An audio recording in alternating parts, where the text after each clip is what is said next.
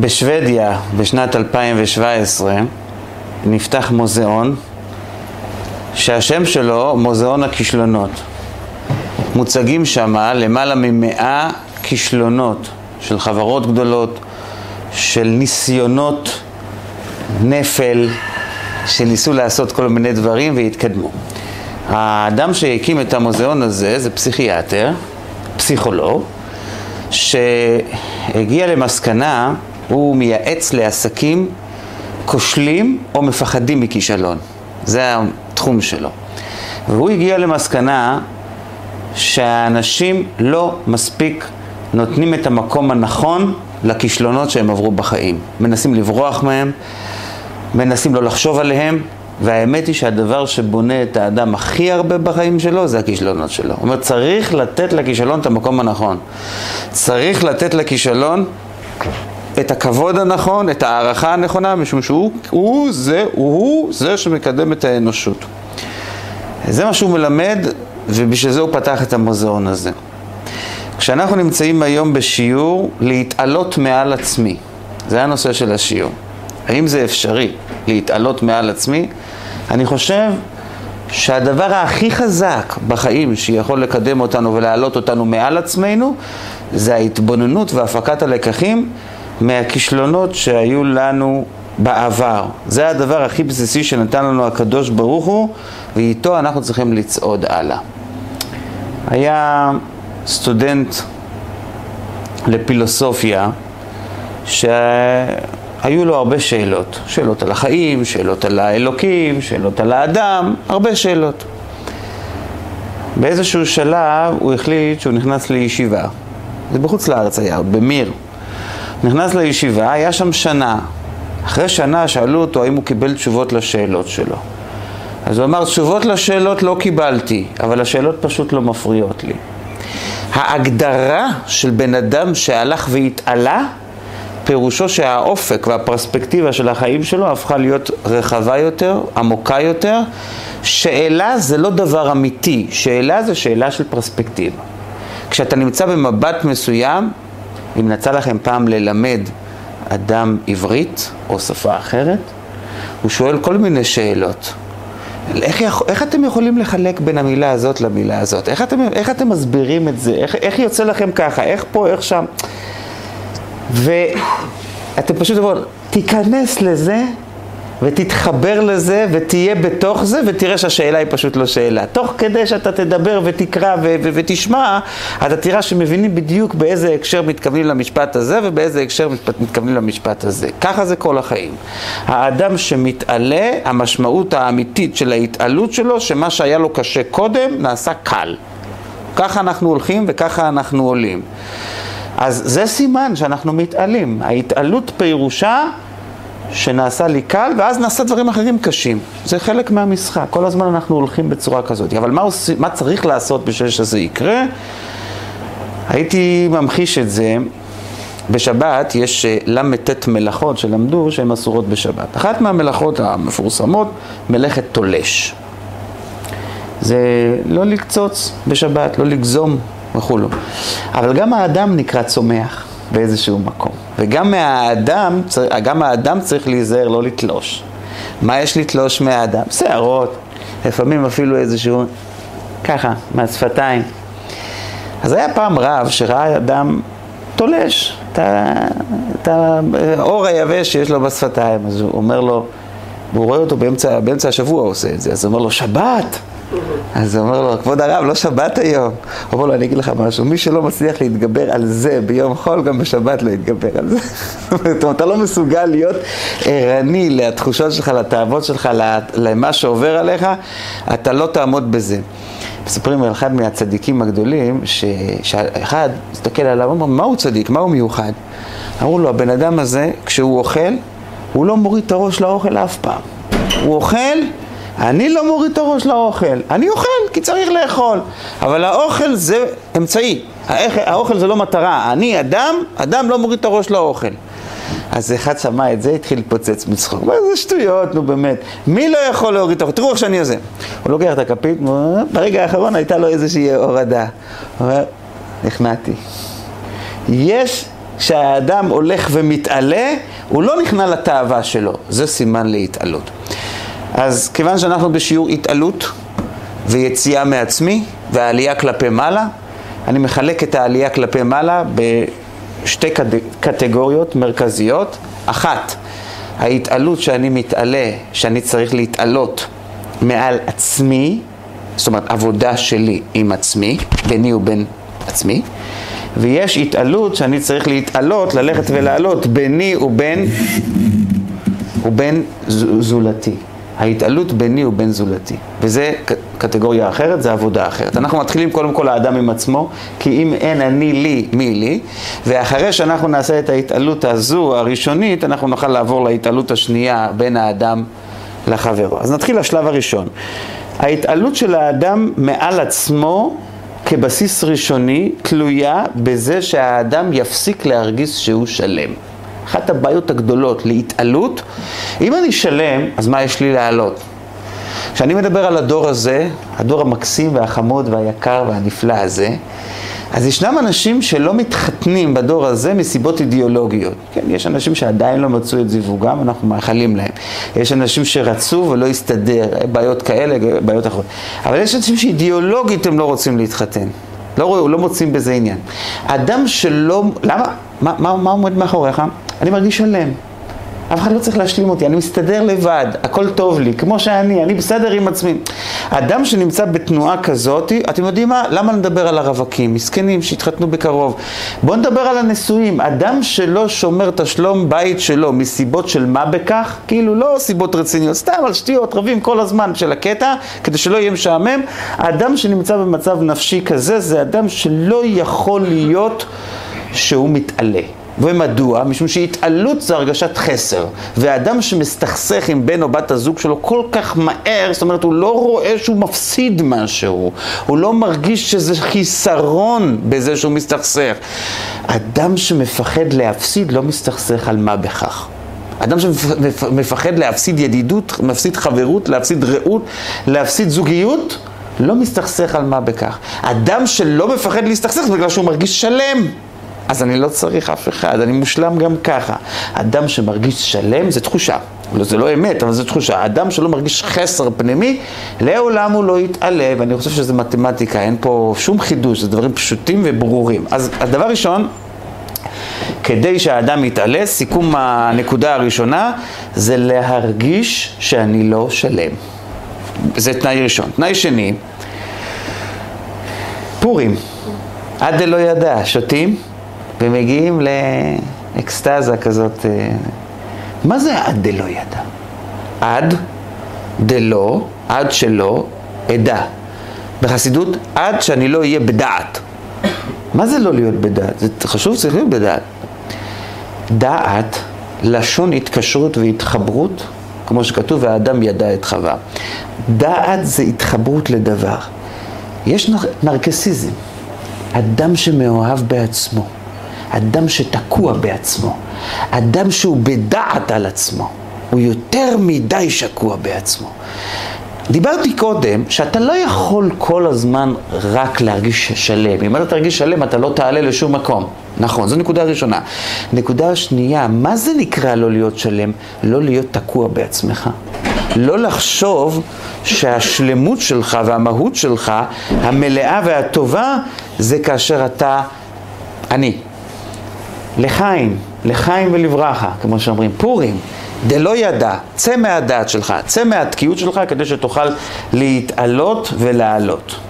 אוקיי, על מה אנחנו צריכים לשים את האצבע כדי להתעלות ולעלות, לצאת מעצמנו? שימו לב טוב, הייתם בחיים שלכם הרבה פעמים במסיבת סעודת ברית מילה. ברית מילה עושים ביום או בלילה? ביום. אין בלילה, אין מצב. אבל היה פעם אחת שהעם היהודי עשה ברית מילה בהמוניו, בלילה, וזה היה בליל יציאת מצרים. הקדוש ברוך הוא אמר שאם אתם לא עושים ברית מילה הלילה, אתם לא תצאו מפה לפנות בוקר. עשינו ברית מילה בלילה. אתם חושבים שזה בקלות יצא לאנשים אז? שיורידו את המכנסיים ויעשו ברית מילה, ובבוקר הם צריכים לצאת לטיול שאין לו סוף? 40 שנה? אף אחד לא היה עושה דבר כזה. אבל אלוקים אמר למשה רבנו, קח את הכבש, תשחט אותו, תצלה אותו, אני אביא רוח, היא תעוף על כל, ה... על כל המחנה, הם יבואו לבקש קצת בשר, אתה אומר להם, עד שאתם לא עושים ברית מילה, אתם לא מקבלים בשר. ומאז אנחנו אוכלים רק מנגל כל הזמן, כחול לבן. וכל פעם שיש לנו זמן פנוי, אנחנו עושים את זה, כי בזכות המנגל יצאנו ממצרים. כי עשינו ברית מילה, ומאז אנחנו שם. בשר, הישראלים לא יכולים בלעדי זה. כמה טון בשר? הבס... הבסיס הזה של ברית מילה בלילה, מפרש אותו הרבי על פי הקבלה, על פי הסוד, ברית זה כריתת ברית, זה לשפוך דם, זה כאב, אני מוכן להפסיד, אבל יש שאתה מוכן להפסיד ביום ויש שאתה מוכן להפסיד בלילה. מה ההבדל ביניהם? כשאתה מוכן להפסיד ביום משמעות הדבר, המשמעות הרוחנית של זה, מוריי ורבותיי, אני רואה שאני משקיע, אני רואה את ההשקעה, אני רואה את הרווחים, זה ביום. אני מוכן להתאמץ, להתאמץ ברית מילה, לתת דם, לתת כאב. אני מוכן לתת השקעה, אבל אני רואה את התוצאות. אבל ברית בלילה, אני מוכן להשקיע, אני מוכן לשפוך דם, אני מוכן להקריב כאב. על מה? הלילה, שאני לא רואה מה העתיד של זה, אני לא רואה את הסוף של זה. אנחנו הפכנו להיות עם, אנחנו יצאנו ממצרים, אנחנו התעלינו ואנחנו מתעלים רק כאשר אנחנו מוכנים להשקיע, להקריב בלילה. חכם בלילה, אומר המשפט. אתה מוכן להיות חכם כשהכול בהיר? זה לא חוכמה. אתה לא מוכן להתנסות, אתה לא מוכן לצאת לדרך חדשה. אבל אם אתה מוכן אפילו בלילה לעשות ברית מילה, אני מדבר על הברית מילה הרעיונית, לא ההלכתית, אז אתה בן אדם שתוכל לעלות ותוכל להתעלות, וזה דבר שהוא מאוד מאוד חשוב. שהאדם יוכל להשקיע גם שהמצב לא כל כך ברור, א', ב', וגם להתמיד בזה. להתמיד, להתמיד. אליעזר, עבד אברהם, יוצא לחפש אישה ליצחק. והתורה מספרת ומספרת, ואיך הוא הלך, ואיך הוא חזר, ואיך הוא עשה, ואיך זה, ואיך חוזרת על הסיפור, ואיך שהוא מספר את הסיפור. מה קרה לכם? מצוות רבות בתורה נאמרו ברמז ופתאום זה באריכות? אומר הרבי, לא, יש פה מסר לנו, לכולנו. אתה נמצא בשליחות, אליעזר היה שליח, אתה נמצא בשליחות, אתה צריך להיות עקבי. אתה צריך להיות עקבי, גם מתמיד, גם בזמן, גם בעניין, ללכת עד הסוף, לא לוותר. בחב"ד אומרים, חב"ד על הזמן. כאילו הם על הזמן. שעון חב"ד. השעון אומרים שהוא תשע, תשע ורבע בקטנה. תשע וחצי מידת חסידות. רבע לעשר חסיד. איך אומרים? עשר חסיד גמור, איך שתרצו תפרשו את זה, גמור לטוב או למוטב. אבל אצל הרבי אף פעם לא היו איחורים. תמיד בול על הדקה כמו יקה, מדויק. יש צדיקים כאלה שמאחרים. כל הזמן הם רודפים אחרי השעון. מתוך הדבקות שלהם בתורה, בתפילה, הם רודפים אחרי השעון.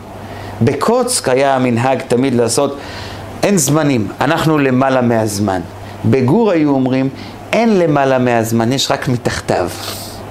או שאתה בזמן, או שאתה מתחת לזמן, הזמן שולט עליך. הצמח צדק אמר פעם אמרה מאוד חשובה, הוא אמר שה... שאחרי, לפני מתן תורה היינו למעלה מהזמן, אבל אחרי מתן תורה אנחנו בעולם התיקון, לא בעולם התוהו. מי שנמצא בעולם התוהו הוא למעלה מהזמן. מי שנמצא בעולם התיקון הוא בתוך הזמן. לענייננו, כאשר אנחנו מדברים על התמדה, ההתמדה חייבת להיות בתוך הזמן, בתוך המצב. אתה רוצה להת... להתעלות? תכוון את עצמך עם איזה שהן תנועות מאוד מאוד ברורות של יסודות של זמן שבהם אתה צריך להכניס את המשבצת של מה שאתה צריך לעשות ואז יש סיכוי שאתה תגיע ואתה תתעלה ואתה תעלה. עכשיו אנחנו מגיעים לבעלי התשובה. בחסידות מדברים על זה שיש עבודה של צדיקים ויש עבודה של בעלי תשובה וזה שתי עבודות שונות. יש יתרון לבעלי התשובה על הצדיקים.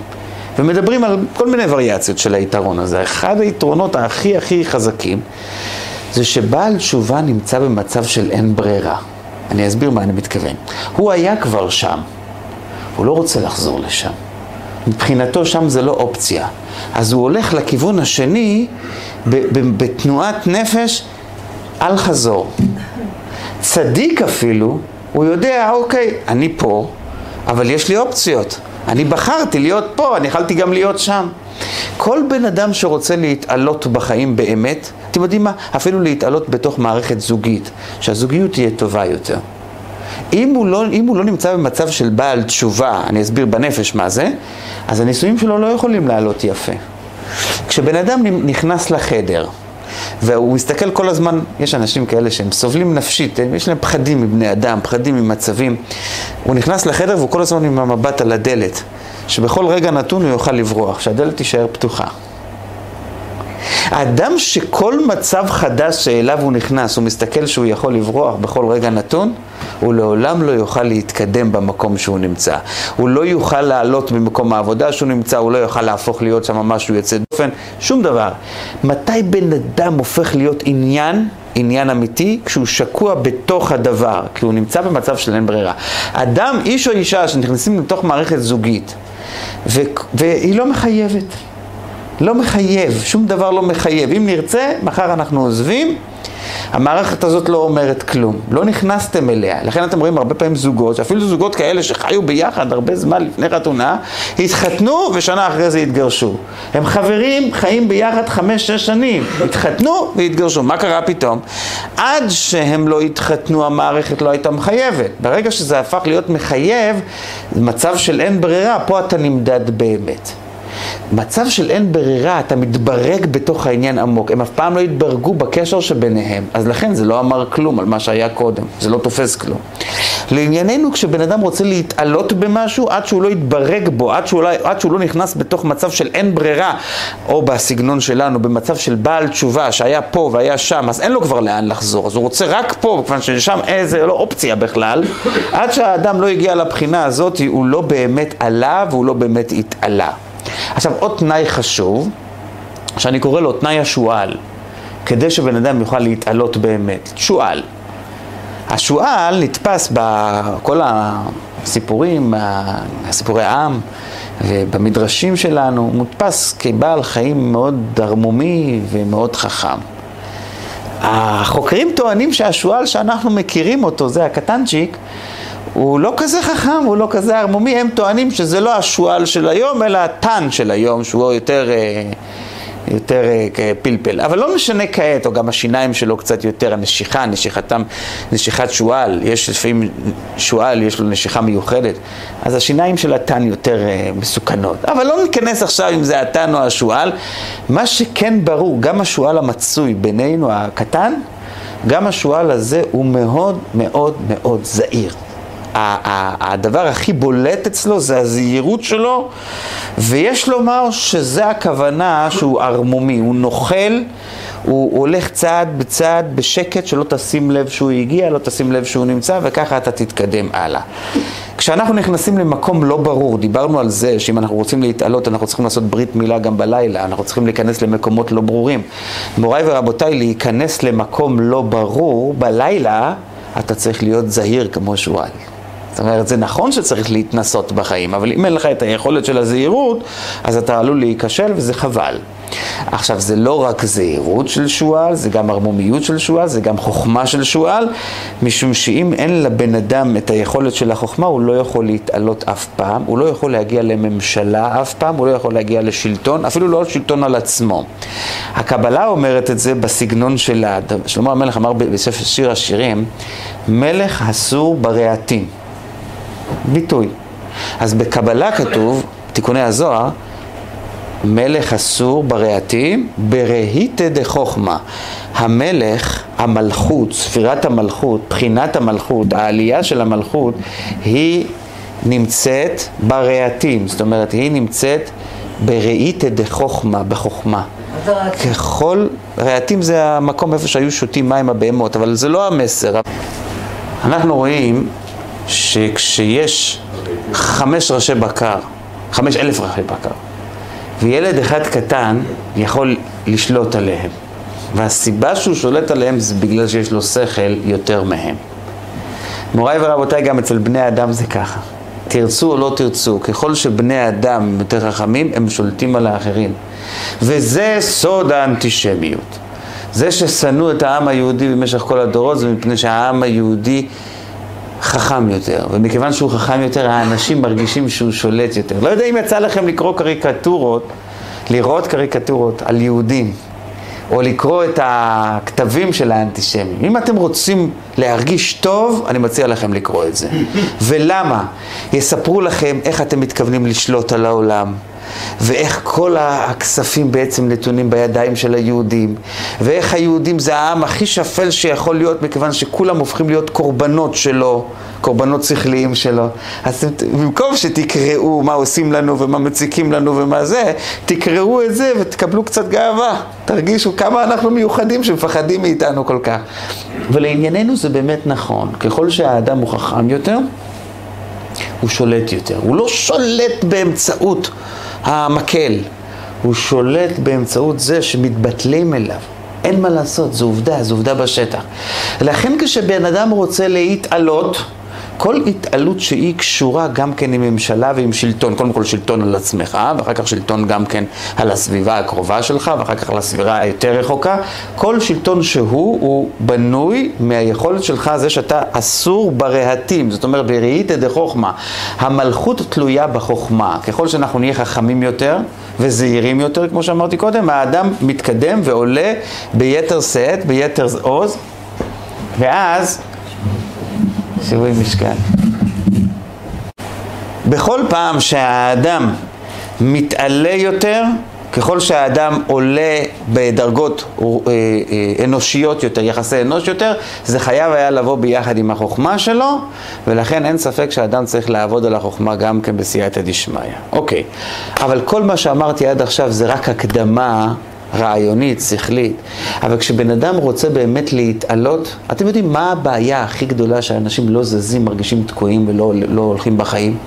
יוצאים להם המון המון אנרגיות על דאגות, על חרדות, על פחדים, על דברים של מה בכך. ואז, כשמגיע בסוף הזמן לתת את הגז ולעלות מעלה, כבר אין לך כוח לעלות מעלה. הרמב"ם בתור רופא, רופא גופות, רופא נפשות, כותב בפירוש המשניות שלו, שכשיבוא משיח, בימות המשיח, יארכו חיי בני האדם גם כן. האנשים יחיו יותר, והרמב"ם בתור רציונליסט, הוא לא מדבר בסגנון, יחיו ככה, אתה יודע, כל החיים, הרמב"ם מסביר את זה בשכל, למה זה יהיה ככה? כשיסורו הדאגות והיגונות, יארכו חיי האדם. למה אנשים, למה אנשים לא מאריכים ימים, הוא אומר? מפני שהם דואגים. הדאגה אוכלת, גומרת את האדם. כאשר אנחנו רוצים להצליח בעבודה של להתעלות, שימו לב מה קורה לבני אדם. אתה רואה בן אדם הולך, אתה שואל אותו איך החיים? הוא אומר לך סוחבים.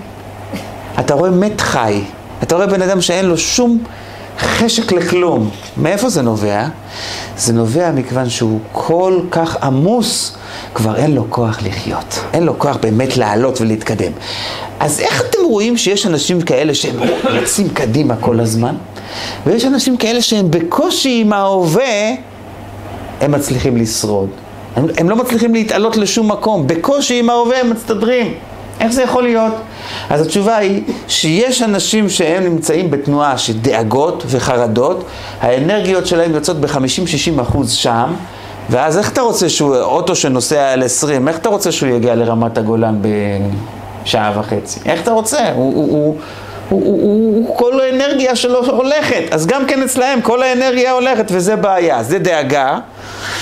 והבעיה השנייה, עמוקה יותר מבחינה פסיכולוגית, זה ההחמצה. החמצה. חז"ל אומרים שבני האדם כולם רוצים לעלות ורוצים להתקדם. מי מפריע להם להתקדם? היצר הרע. אבל איך קוראים לו חז"ל? איזה ביטוי מקסים. שאור שבעיסה מעכב. שאור. מה זה שאור? היצר הרע מכונה שאור שבעיסה. מה זה שאור? שאור זה אותם החיידקים ששמים אותם חיידקים ש, שבאים בדרך כלל מבצק שכבר הרכיב, בצק שכבר הסריח, וכששמים אותם בעיסה, הם מנפחים את העיסה. מי מעכב? מי מנפח אותנו? מי מעייף אותנו? מי מוציא לנו את האנרגיות ולא נותן לנו להתקדם בחיים לשום מקום? שאור שבעיסה. התחושת החמצה בחיים. מוריי ורבותיי, זה עמוק מאוד מאוד מאוד. אנחנו כל הזמן יכולים להתקדם ולעלות. ללמוד מטעויות כמו שהתחלתי את השיעור ולהתקדם, ללמוד מכישלונות ולהתקדם. מה אנחנו עושים במקום? אך, הרגע הארור הזה. אך, מה ש... איך נפלתי בזה, איזה טעות זו הייתה, טעות פטאלית. וכל פעם שהתמונה הזאת עומדת מול העיניים, אנחנו מקבלים כזה בום, בום, מחשבה, בום. אנחנו עוצרים את עצמנו, ואנחנו מרגישים מסכנים, ואנחנו מרגישים דפוקים. שאור שבעיזה הוא מעכב. ההחמצה, תחושת ההחמצה, החמיצות, היא זה שלא נותנת לנו לעלות ולהתעלות, וזה חבל. אדם שמצליח לשים את תחושת ההחמצה בצד, אדם שמצליח לעלות ולהתעלות על עצמו. והנה אנחנו מתכוונים לראש השנה. מי זה היה שהתעלה על עצמו בראש השנה מאוד חזק? אברהם אבינו. יש לו בן יקר, והוא מוכן לקיים את מצוות הקל והעלהו לעולה. עקדת יצחק. אברהם אבינו מוכן לעשות את זה. ואנחנו אוכלים את הפירות של המעשה הזה שעשה אברהם אבינו מאז ועד היום. ללמדנו, מוריי ורבותיי היקרים, ללמדנו שאדם שרוצה לעלות ולהתעלות בחיים שלו, חייב להיות אחד כזה שהוא מתאמץ, יוצא מעצמו, כמו אברהם אבינו שהיה חסד ועשה מעשה של גבורה, שזה עקדת יצחק, הפך הטבע שלו, ואם אתה הצלחת לעשות אפילו משהו קטן בחיים שלך, הפך הטבע שלך, תדע לך שמזה יהיה לך תוצאות ושכר ורווחים לכל החיים כולם. אז עד כאן דיברנו קצת על הבחינה של העבודה העצמית של האדם עם עצמו בכל הנושא הזה של להתעלות. להתעלות מעל עצמי. נעבור עכשיו לחלק השני, שזה העבודה של להתעלות מעד עצמי, אבל ביני ובין הזולת, ביני ובין חברי, בתוך יחסי האנוש, ובסוף אני אעשה סיכום של שתי הבחינות הללו. כתוב שבזמן הזה, כעת, הלכה כבית הלל. לעתיד לבוא, הלכה כבית שמאי. בית הלל מקלים, בית שמאי מחמירים, וזה כולם יודעים. אבל יש משהו עמוק יותר בזה שבית הלל מקלים. מה הביא אותם להקל? התורה מספרת שהיה אה, איזה גר שרצה להתגייר. הוא בא לפני שמאי, אמר הוא רוצה ללמוד את כל התורה על רגל אחת, שמאי דוחף אותו, הלל מקבל אותו, אומר לו מה ששנוא עליך אל תעשה לחברך. מה המיוחד מבחינה אנושית בהנהגה של הלל? מגיע אליך בן אדם, אומר לך שהוא רוצה ללמוד את כל התורה על רגל אחת, אז הוא בעצם מנסה להתחבר לרחוב, לתפיסת עולם, לצורת חשיבה של הבן אדם הזה. הוא חושב שהוא יכול ללמוד את כל התורה על רגל אחת. להגיד לך שזה נכון במאה אחוז זה בלתי אפשרי, אבל איך אומרים? הוא חושב שכן, אז אני אתן לו משהו. הוא לא יכול את הכל, אני אתן לו משהו. בסיס. שמאי אומר לו, אני נותן את האמת. את כל האמת. מספרים על איזה אדם ש, שהגיע לאיזה יישוב, מגיע לבית העם, הוא צריך לתת פה הרצאה. הוא רואה את המודעות, וכן, כתוב שההרצאה שלו זה היום, נכנס בפנים ריק, אף אחד לא נמצא. אז הוא אומר לעצמו, מה אני עושה? עד שהוא מסתכל ימינה ושמאלה, הוא רואה איזה בן אדם אחד שכן הגיע. הוא שואל אותו, תגיד, הגעתי, זה התאריך, זה העולם, רק אתה נמצא. לתת את ההרצאה או ללכת? אומר לו הבן אדם, אני לא מבין בהרצאות, אני מבין בפרות. אם הייתי מגיע לרפת והייתי רואה שכל הפרות הלכו ורק פרה אחת נשארה, אז אני אכזרי אם אני לא נותן לה לאכול בגלל שכולם ברחו. המרצה הבין את המסר, בגלל שכולם ברחו אני לא אתן את ההרצאה לאדם אחד שהגיע, אתן את ההרצאה לאדם אחד.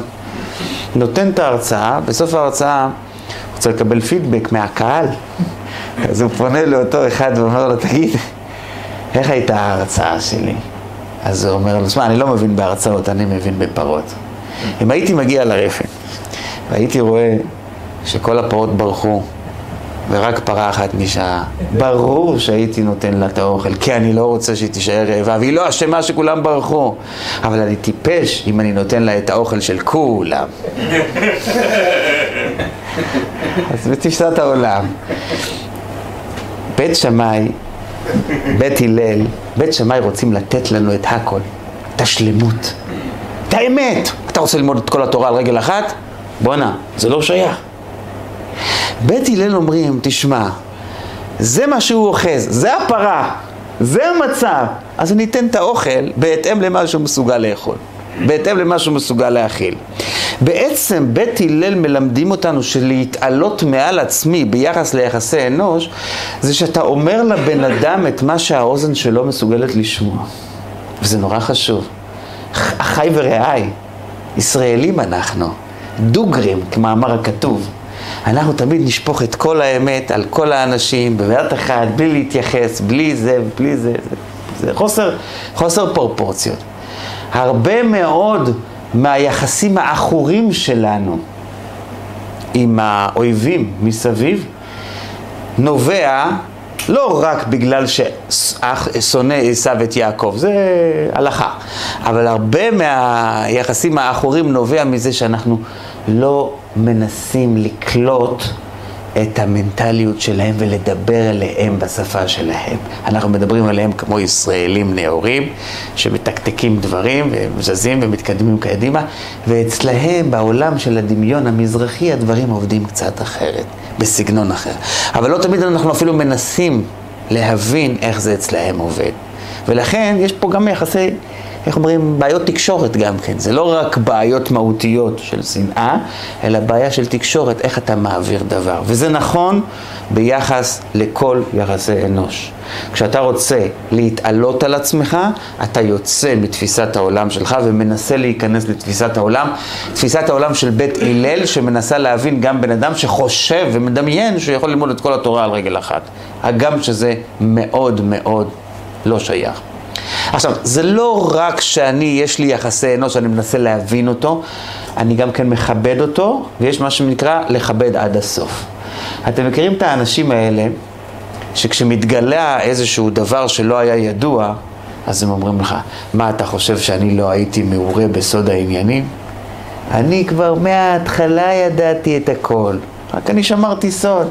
וכאן הבן אדם נתן בעצם חותמת על עצמו כמה הוא לא שומר סוד, שבסוף הוא לא מסוגל להתאפק. ולא מסוגל לכבד את השני. להתאפק פירושו עד הסוף. אם אתה רוצה לשמור את הכבוד של האדם שעומד מולך, ביקשו ממך לא לדבר, ביקשו ממך לא להגיד, אז זה מההתחלה עד הסוף ובאמצע ועם כל מה שזה כולל. אין דבר כזה שאתה באמצע עוצר. זה לא רק לשמור סוד מוריי ורבותיי, להרגיש את הזולת ולקבל אותו זה גם להכיל את הביקורת שהוא יודע להגיד לך. כולנו מכירים את הביטוי, קבל את האמת ממי שאמרה. כולנו יודעים את זה. מה באמת מפריע לנו הרבה פעמים לקבל ביקורת ממישהו? זה לא מה שהוא אמר, אלא זה איך שהוא אמר. כולנו מכירים את זה. באה תורת החסידות ואומרת דבר מאוד מאוד מעניין. היא אומרת שכל פעם שמישהו אומר לך משהו, זה דומה כמו כלי שבתוכו יין, והכלי הוא גדול ענק, ואתה צריך לטפס על סולם, על דפנות הכלי, כדי להגיע לתוכו. המילים שבן אדם אומר לך, אתה צריך לדעת לקלף אותם. אתה צריך לד... לדלג מעל שפת הכלי כדי להגיע אל התוך. אדם שבאמת רוצה לשתות יין, אדם שבאמת רוצה ל... ל... ל... לקבל, אדם שבאמת רוצה להתעלות, הוא ח... חייב לדעת לטפס מעל השוליים של הכלי. השוליים של הכלי זה הלבושים והמילים שהאדם בחר להגיד את המילים שבהם הוא אמר. לצערי הרב, רוב בני האדם מעבירים את המסרים שלהם לא בצורה יפה. רוב. מעטים הם האנשים שיודעים לדבר, באמת, להעביר מסרים בצורה יפה ונכונה. מעטים הם. אבל אתה שומע, קבל את האמת ממי שאמרה, תכבד את האמת שעומדת מאחורי הדברים של האדם. ובשביל זה אתה תצטרך להתעלם מכמה וכמה מילים. תצטרך להתעלם משפת הכלי. תצטרך להתעלם מזה שאתה טיפסת כלפי מעלה. ואז תוכל להגיע אל היין שנמצא בתוך הכלי, וזה דבר שהוא מאוד מאוד חשוב. בעיה נוספת שמפריעה לנו ביחסי האנוש שלנו, ואנחנו צריכים להתעלות על גביה, זה הנושא של הקנאה. אחד הדברים הכי קשים לאדם, שהוא רואה אנשים מוצלחים, הוא רואה אנשים שהולך להם, הוא רואה אנשים שמסתדר להם, שהכל טוב להם והכל זורם להם בחיים, וזה מוכל אותו. למה לי לא? איך אמרה לי אישה אחת פעם? אני לא מקנאה, אני רק שואלת למה לי לא. אני אוהב את זה. הוא לא שמן, הוא מלא. משחקי מילים. אז האדם יש לו את בעיית הקנאה והיא נובעת אצלו מחוסר שלמות שלו עם עצמו. בגלל זה הוא גם לא יכול לקבל ביקורת. כי אם אתה לא שלם עם עצמך, כשאתה שלם ורגוע ובא מישהו ומעיר לך על איזשהו משהו קטן, אתה אומר לעצמך, יופי, אבל אני בסדר בגדול, אני בסדר, אני יציב. אז אומרים לי עוד משהו, אומרים לי שאני יכול לתקן, אומרים לי שאני צריך להשלים. נו, למה לא? אבל אם אני מרגיש כלום, ואם אני מרגיש דפוק, אז כל מילה שאומרים לי מה עושה לי, מגלגלת אותי בכל המדרגות. מי רוצה להתגלגל בכל המדרגות? אז אני צועק עליך, אז אני יוצא עליך, אני לא מוכן לקבל את מה שיש לך להגיד לי, בשום פנים ואופן. ולענייננו, הקנאה גורמת לאדם שהוא לא יוכל לשמוע שום דבר. מכיוון שאני רוצה שיהיה לי, ורוצה שיהיה לי, ורוצה שיהיה לי, ואני מרגיש מתוסכל מזה שאין לי, אז אני כעוס וכאוב, וכל מילה שתגיד לי אני מפוצץ עליך ויוצא עליך כמו, קוראים לזה בחסידות כמו בצל. כשחותכים את הבצל, גורם לכולם מסביב לבכות. יוצא עליך, לא יכול לסבול. אומרת החסידות, משה רבינו אומר בפרשת האזינו ירכיבהו על במתי ארץ, במה. במה זה סמל של משהו גבוה, סמל של אנשים מוצלחים, סמל של אנשים שהולך להם. אם אתה או את תצליחו להאמין בקדוש ברוך הוא ובהשגחה הפרטית שלו, ושכל דבר שאתם צריכים בחיים אתם בטח קיבלתם, וכל דבר שאתם באמת תצליחו בו, יש לכם אותו, וכל דבר שאין לכם, זה לא בגלל שלא טוב שאין לכם, אלא אתם לא צריכים אותו בכלל, אם אתם תצליחו להיכנס לתוך התפיסה הזאת ולתוך המחשבה הזאת, אתם פתאום תגלו, ירכיבהו על במטה ארץ. כל האנשים שהם נראים לכם במה, מוצלחים, גבוהים, נעלים, עשירים, מיוחדים, שהולך להם, פתאום אתם תגלו שאתם רוכבים עליהם. זאת אומרת, יש לכם עוצמות הרבה יותר מהם. אז איפה היו העוצמות האלה עד, עד היום?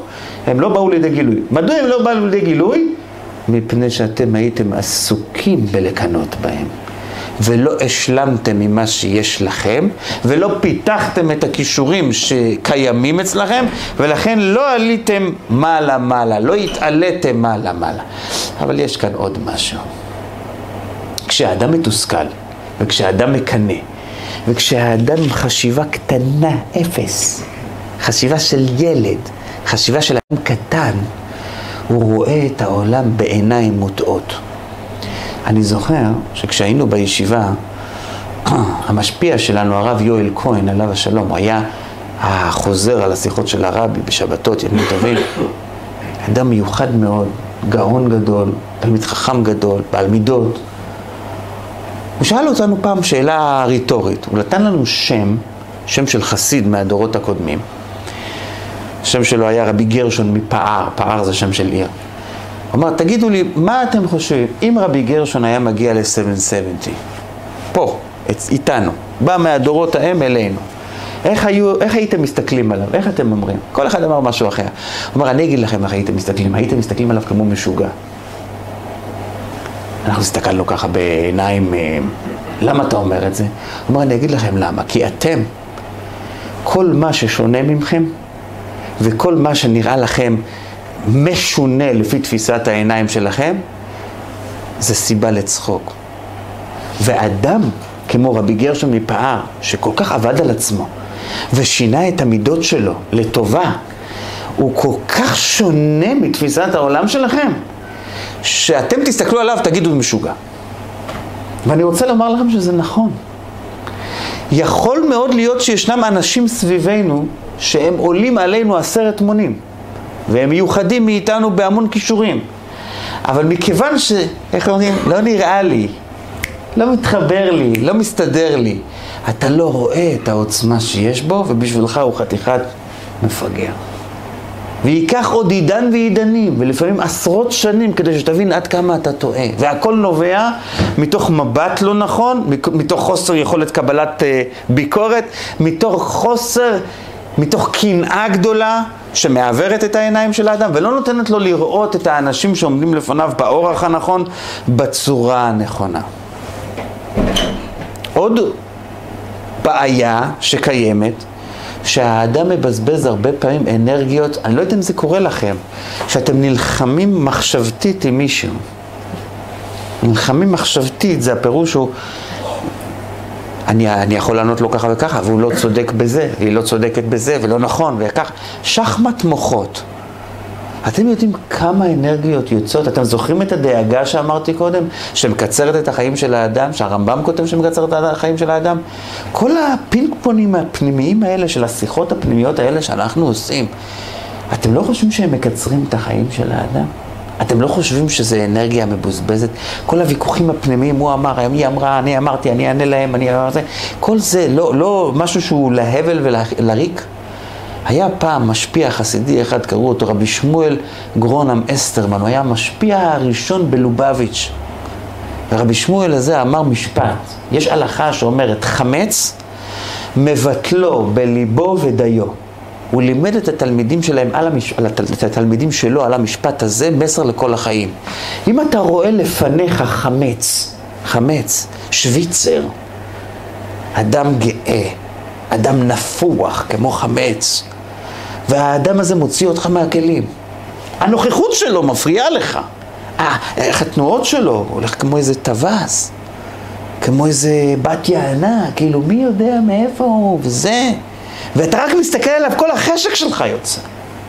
אומר, אם אתה בן אדם שרוצה להתקדם בחיים שלך ואתה רואה חמץ, אתה רואה כזה ישות שמעבירה אותך על דעתך, מוציאה ממך את כל החשק, מה אתה צריך לעשות? רק דבר אחד, מבטלו בליבו שטויות ודיו. אתה לא צריך לעקם את האף, ולא לעקם את הראש, ולא לעקם את האצבע עם היד על אותו אחד. כלום. תגיד, זה לא שייך לי? מבטלו בליבו ודיו. אל תוציא על זה עוד אנרגיה. חבל. יש כל כך הרבה דברים שצריך להספיק בחיים. כל כך הרבה דברים שאפשר לעשות, כל כך הרבה דברים שאפשר לתרום, כל כך הרבה דברים שאפשר ללמוד. לא חבל שהאדם כל כך הרבה מה אנחנו צריכים לעשות בחיי היום-יום שלנו? להשתדל שהאווירה מסביב תהיה אווירה נינוחה. אווירה בשבילנו, כדי שאנחנו נוכל להתעלות, כדי שאנחנו נוכל, אנחנו מדברים היום על להתעלות, ויחסי אנוש הורסים את הבני אדם הרבה פעמים, כשאתה מרגיש אנרגיות שחוזרות אליך מסביב, ולא מרוצים ממך וכולו וכולו, או שאתה לא מרוצה מאחרים. האדם חייב להפסיק עם כל הביטול זמן הזה, וביטול אנרגיה הזאת. היה אחד חכם, קוראים לו רבי ידעיה הפניני. מה זה פניני? לשון פנינים. יש לו ספר מלא פנינים. אז הוא אומר שמה, באחד הפנינים שלו, רבים מן הרופאים לא ידעו דבר מחוכמת הרפואה. ירפא מידם החולה המסכן בראיית פניהם ובנועם דבריהם. כן. יש אנשים שיש להם תעודה מאוניברסיטת קולומביה שהם מבינים ברפואה, ואני מבין במעבורת חלל יותר ממה שהם מבינים ברפואה. יש! אומר לכם, יש דברים כאלה גם כן. אבל לפעמים האדם מתרפא מאורך הרוח ומסבר הפנים היפות של החולה. אמר את זה רבינו הראש בסגנונו הוא, וצריך החולה שתהיה לו שיהיה לו נחת רוח מן הרופא. האנשים שואלים, מה הכי חשוב, רופא מקצוען או רופא סימפטי? אז אני רוצה לומר לכם שכאן הוכרע שהסימפטי מועיל, אבל הוא לא מועיל רק לנפש שלנו, הוא מועיל לבריאות שלנו. יש הרבה אנשים, האדם לפעמים מרפא את עצמו, אבל בשביל זה הוא צריך שיאמינו בו ושהוא יאמין ברופא, ואז יהיה לו את הנחת רוח ויוכל להתקדם עם זה מעלה-מעלה. זה מבהיל, אבל זה אומר את האמת. כמה ההרגשה החיובית, הסביבתית, משפיעה על הנפש וגם על הגוף. ולכן, כאשר אנחנו רוצים להתעלות, ואנחנו היום בשיעור שמירת אנרגיה, כדי שנוכל להתעלות, אז מה אנחנו צריכים לעשות בשביל להתעלות? ליצור שהסביבה שלנו לא תהיה סביבת רוויית מתחים ותככים ומריבות וטענות ומענות, אלא סביבה נינוחה. ואז אתה לא דואג, ואז אתה לא מוציא אנרגיות, ואז אתה לא משחק שחת, שחמט מוחי, ואז נשאר לך דלק לעלות למעלה, להתעלות. אבל אם הוצאת את כל הדלק שלך, במה? במה? בהבל הבלים. חיברת ש"ס של דברים בטלים, חיברת ש"ס של שטויות, של פחדים, של רעיונות, עם פירוש רש"י מצד ימין ופירוש תוספות וקושיות מצד שמאל, ומהרשור ומהרם, מכל הצדדים, על מה? הבל וריק, הבל ורעות רוח. באים אנשים ואומרים, אני אין לי ראש ללימודים. אבל אני שומע את הפלספים שלו ואת המחקרים שלו, או אם תרצו בעברית תקנית את החפירות שלו, אז אני יודע, מתוך מה שאני שומע, להבין שהבן אדם הזה היה יכול לחבר ספרייה שלמה, מלאת עומק, אבל הוא בחר עומק של מקקים ולא עומק של בני אדם. ולא חבל. זו נקודה שהיא מאוד משמעותית בעלייה של האדם. עכשיו משהו חיובי. כשאנחנו רוצים להתעלות, אנחנו צריכים להיות אנשים שמסוגלים להכיל דברים חדשים. המחקרים גילו שככל שהאדם, האדם הלומד, האדם הסקרן, האדם שמחפש ידע, ככל שהוא מתבגר יותר, הוא מחפש יותר ויותר ויותר ויותר מה? דברים חדשים. וככל שמדובר על האדם הלא לומד והאדם הלא חכם ועל האדם הקטן, המחקרים מגלים שככל שהוא מתבגר יותר, מה הוא מחפש? לחזור אל הקיבעון ואל השיגרון ואל מה שמוכר ואל מה שידוע ולא ללמוד דבר חדש. סמל של אדם חכם זה אדם שאוהב דברים חדשים. נקודה. רוצה לשמוע משהו חדש. רוצה לקבל מים חדשים, רוצה לקבל איזושהי תחלופה. היצירתיות היא הסמל של החידוש. אתה רוצה באמת לעלות, אתה רוצה באמת לקבל, אתה רוצה באמת להגיע, אתה צריך לחפש משהו חדש. לכן מי שרוצה להתעלות, הוא רוצה להיות מחר אחרת ממה שהוא היום, הוא צריך להיות משהו חדש. יש אנשים, שאני, זה כל פעם מדהים אותי מחדש, הם אוהבים לשמוע את אותו דבר. תגיד משהו חדש, הם נרדמים. תגיד משהו מוכר, אה, אני יודע את זה, אני יודע את זה. אז שמעתם איך אני אומר את זה? אני יודע את זה, אני. נכון, נכון, הוא אמר כמו שאני חושב, נכון, כמו שאני חושב. יצא מעצמו וחזר אל עצמו והכל טוב ויפה. זה סמל של אדם קטן. מסרתי פעם שיעור ודיברתי על עשר הספירות. אבל דיברנו על עשר ספירות בדרגות שונות, ויש עשר ספירות הגנוזות ועשר ספירות, כל מיני. הבן אדם כל הזמן עושה כך, כן אני יודע את זה, אני יודע את זה. התברר שהוא יודע רק את המושג עשר הספירות. עכשיו הוא חוזר לי כל הזמן. סיימתי את השיעור, אמרתי לו, תשמע, למה אתה בכלל שומע אותי גם לא בעשר הספירות? הרי אני מדבר באלפא בטא, שאתה כבר מכיר מאז היותך ילד. לא חידשתי לך כלום, זה הכל בנוי על האלף בית המפורסם. שום דבר חדש אין כאן. יש אנשים כאלה, ואני אומר לכם את זה בשיא הרצינות, זה דברים שראיתי אותם בעיניי. יש אנשים שרק המוכר והידוע האהוב עליהם. אבל ברגע שזה משהו חדש, לא. אז תדעו, יש לכם טיפ היום. הם אנשים קטנים, הם לא חכמים. האדם החכם שמחפש להתעלות, הוא מחפש משהו חדש, הוא מחפש משהו יוצא דופן. זה משהו מיוחד. האדם שאוהב להתעלות, הוא לא שואל אף פעם מי אמר את זה, הוא שואל מה הוא אמר. הוא מחפש את המהות, הוא מחפש את היסוד. אדם שמסוגל להתעלות מעל הדברים הקטנים, מעל התככנות הקטנה, זה אדם שהעניין נוגע לו. רק העניין נוגע לו, וזה תופס אותו הכי חזק. ומילה אחרונה, לפני סיכום ולפני סיום, אני רוצה לומר משהו מאוד מאוד חשוב. עשו פעם בדיקה, לקחו תינוקות, זה מאוד מעניין. לקחו תינוקות והשמיעו להם 12 שעות של הקלטות. חלק מההקלטות היה דיבורי בלה בלה, חלק מההקלטות היו קולות ללא שום אה, קשר, וחלק מההקלטות היו שיחות תוכניות, ועשו את זה, חילקו את זה לרמות, 12 שעות לכל תינוק, והסריטו את ההקלטה ואת ההתנהגות של התינוק בכל ה-12 שעות האלה.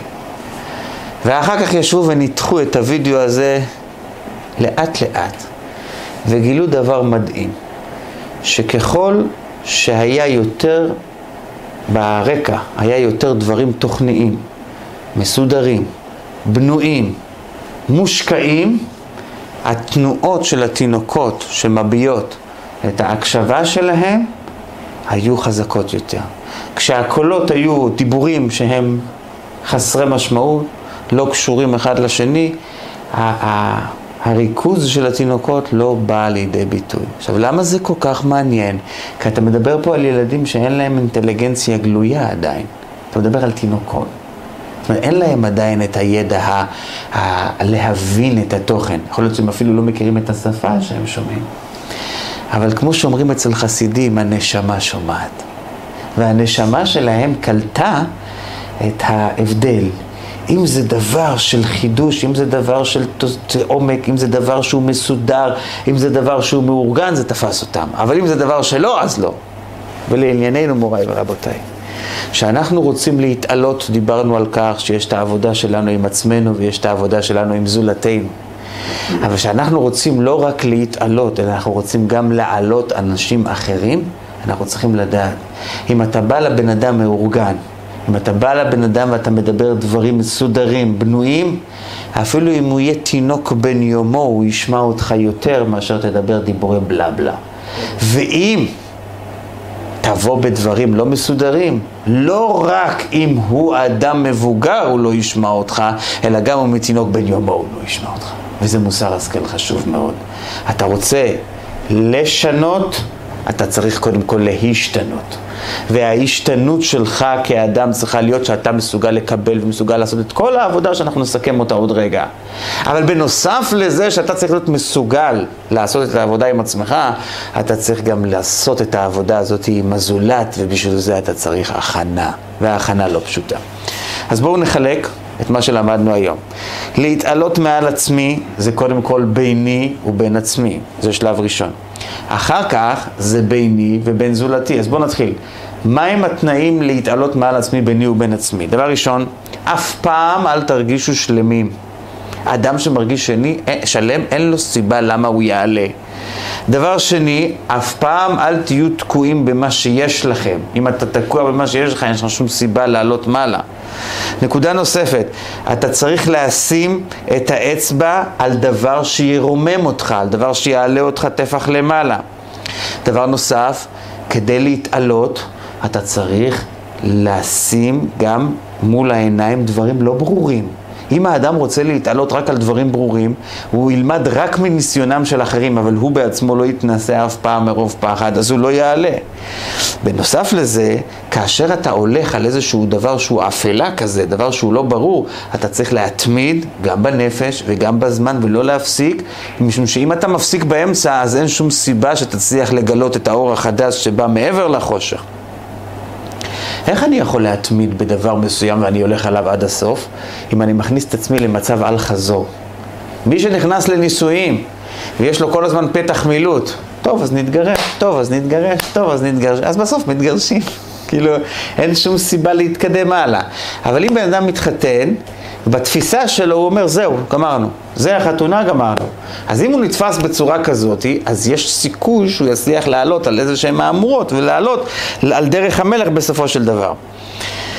חייבים לנהוג בחוכמה, מי שרוצה להתעלות, אין הרבה כוח לאדם, האדם צריך לשמור על האנרגיות שלו, לא להרגיש אף פעם דאגה, לא להרגיש אף פעם החמצה, משום שזה הדברים שלוקחים מאיתנו את רוב הכוח ולא נותנים לנו לעלות למעלה. אנחנו צריכים להאמין שהכל זה השגחה פרטית, ולכן אם לא הלך מהסיבה זו או אחרת, או יצא בצורה כזאת או בצורה אחרת, זה לא בעיה שלנו, ואנחנו לא צריכים עכשיו להלקות על חטא, אלא רק להוציא את המסרים, מה אפשר ללמוד מזה ולעלות למעלה. להוציא את המסרים. כל דבר אתה תלמד מסר, אבל אל תחיה עם הכאב והשברון וההחמצה והסירחון שקשורים עם מה שהיה עד עכשיו.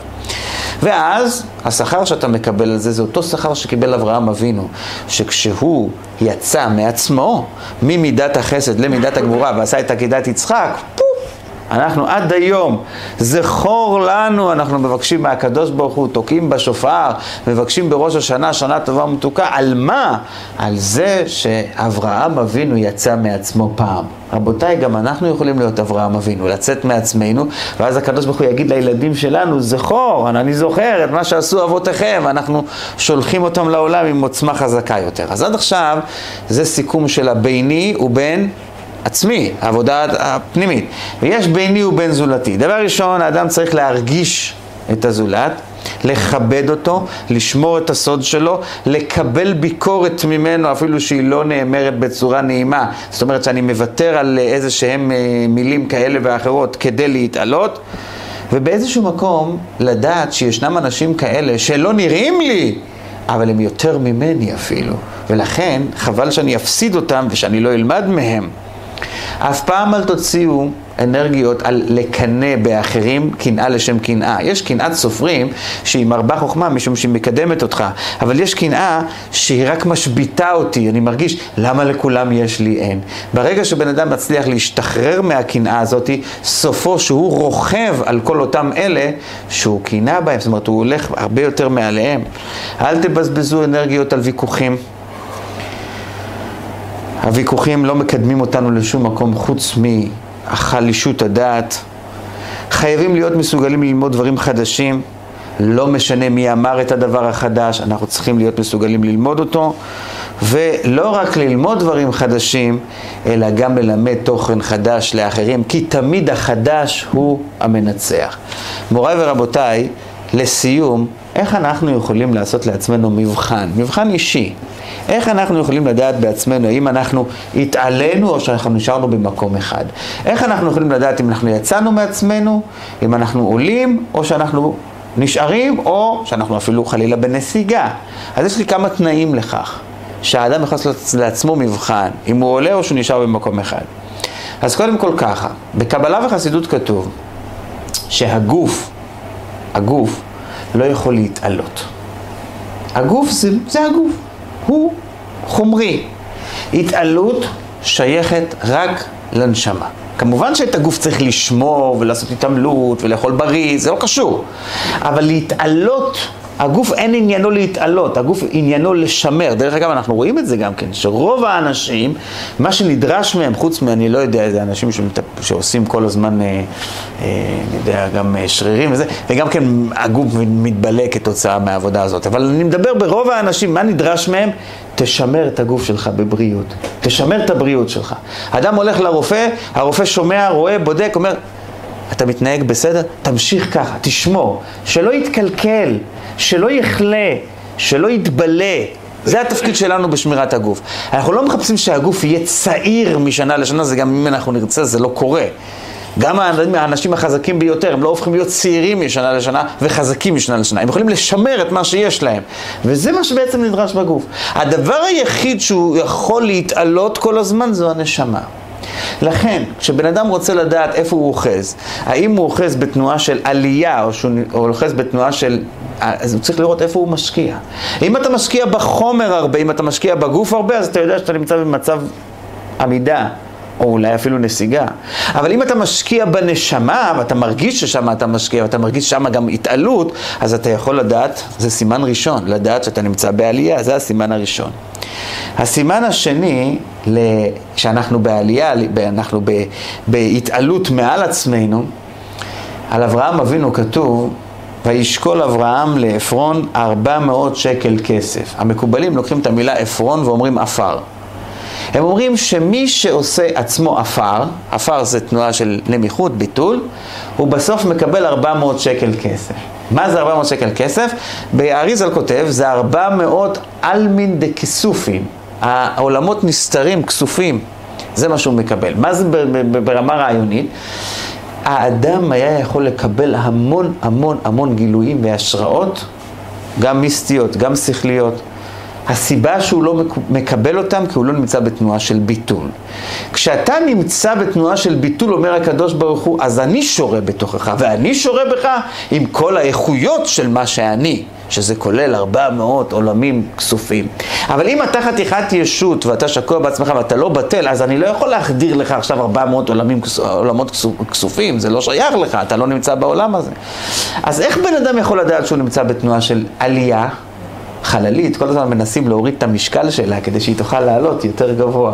גם האדם, ככל שהוא מוריד את המשקל שלו, אני אומר את זה גם על המשקל הפיזי, אבל זה לא רק המשקל הפיזי, זה רק המשקל, גם בעיקר המשקל הרוחני. ככל שהאדם עולה יותר במשקל הרוחני שלו, זאת אומרת, יורד במשקל הגשמי, הגס, ומסוגל להתבטל כמו עפר, אז הוא מוזנק כלפי מעלה כל הזמן. ותראו שיש אנשים כאלה שמסוגלים לקבל עלבון, מסוגלים לקבל ביקורת. ככל שהם יותר נשארים נינוחים, אתם תראו שהם אנשים גדולים. הם אנשים שהולכים ומתעלים בכל היבט שהוא, אפילו בהיבטים פיננסיים. הם הולכים ומתעלים, הם הופכים להיות יותר ויותר מעולים, יותר ויותר אה, משובחים באותו תחום שבהם הם מתעסקים. והכל למה? בגלל שהם היו בתנועה של הרכנת ראש.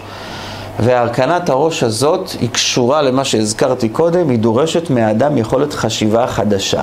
אני אתן לכם דוגמית קטנה למה זה יכולת חשיבה חדשה. בעולם, אומרים שילד שנולד לפני הזמן זה לא טוב, זה משהו שלילי, צריך להיזהר מזה, וכולו וכולו, וזה באמת נכון, אני לא חולק על הרפואה, אני רק... בקבלה כתוב, תשימו לב שכל האנשים המיוחדים הם נולדו מוקדם יותר. משה רבינו נולד מוקדם, ועוד ועוד ועוד, המון המון דוגמאות הוא מביא, נולדו מוקדם. ומוסבר בקבלה שהסיבה לכך שהוא נולד מוקדם, משום שהוא כזה מהפכן וכזה עוצמתי, וכזה רוצה לעבוד את השם, וכזה יש לו מה להעניק לעולם, אז הוא ממהר לצאת. ככל שהאדם מיהר יותר לצאת, זה בגלל שיש לו משהו איכותי יותר, פנימי יותר, עמוק יותר להעניק לעולם. ולהשפיע בעולם. זה נורא מעניין, שנייה. למה זה מעניין? משום שיש מה שנקרא חשיבה קונבנציונלית, החשיבה הקונבנציונלית תגיד, עזוב אותך, שיישאר כמה שיותר שם. נכון, זה באמת נכון מבחינה בריאותית. אבל יש גם חשיבה מחוץ לקופסה, וזה אנחנו צריכים לסגל לעצמנו. נכון, יש גם את המצב הבריאותי, שיוצא קודם הזמן, אז קצת חלש פיזית, או למשך תקופה חלש פיזית, אבל צריך לדעת שגם לזה יש איזשהו יתרון, ובשביל להיות כלי בכלל להכיל שיש דברים שהם עמוקים יותר, שונים יותר מהחשיבה שלי, אני צריך להיות בן אדם יותר רוחני טיפ-טיפה, והנקודה האחרונה, האחרונה, האחרונה. יוסף הצדיק היה איש מוצלח, היה בארץ מצרים, מושל על ארץ מצרים, המקום הכי נמוך בעולם, נקרא ערוות הארץ, ויוסף הצדיק הראה שרידות, ולא רק שרידות, אלא מסוגלות יוצאת דופן לשרוד במקום כזה, ולא רק לשרוד, אלא להזניק את המקום הזה כלפי מעלה בעוצמות לא נתפסות. מה היה הסוד של היהודי הזה, יוסף הצדיק? מה עמד מאחוריו? ויהי יוסף איש מצליח. יוסף היה איש של הצלחות, גורף הצלחות. במה זה בא לידי ביטוי ההצלחות של יוסף הצדיק? אומר רש"י על המקום, שם שמיים שגור בפיו. הוא לא ייחס לעצמו שום הצלחה. ריבונו של עולם, תודה רבה לך על זה, תודה רבה לך על זה. איי, זה אני והשכל שלי, אבל גם השכל הזה אתה נטעת בי. אתם רוצים להתעלות באמת? אתם רוצים לצאת מעצמכם באמת? אתם רוצים לקבל סייעתא דשמיא להתעלות? אתם רוצים לקבל השראה להתעלות? תדעו להגיד תודה. ולא להגיד תודה פעם אחת, להגיד תודה שגור בפיו, שם שמיים שגור בפיו. כשאתה יודע להגיד תודה עוד פעם ועוד פעם, תראו, מלכות שמיים היא כמו מלכות הארץ. אצל בני אדם, כשיש בן אדם שיודע להגיד תודה יפה, יודע להגיד יישר כוח יפה, כיף לאנשים לעשות לו עוד הפעם.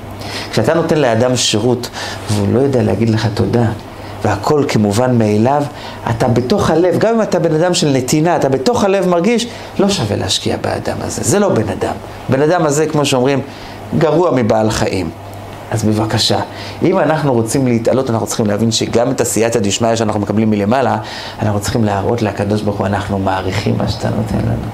אנחנו מבינים שזה יוצא דופן. תודה, תודה, תודה. תודה רבה לכם.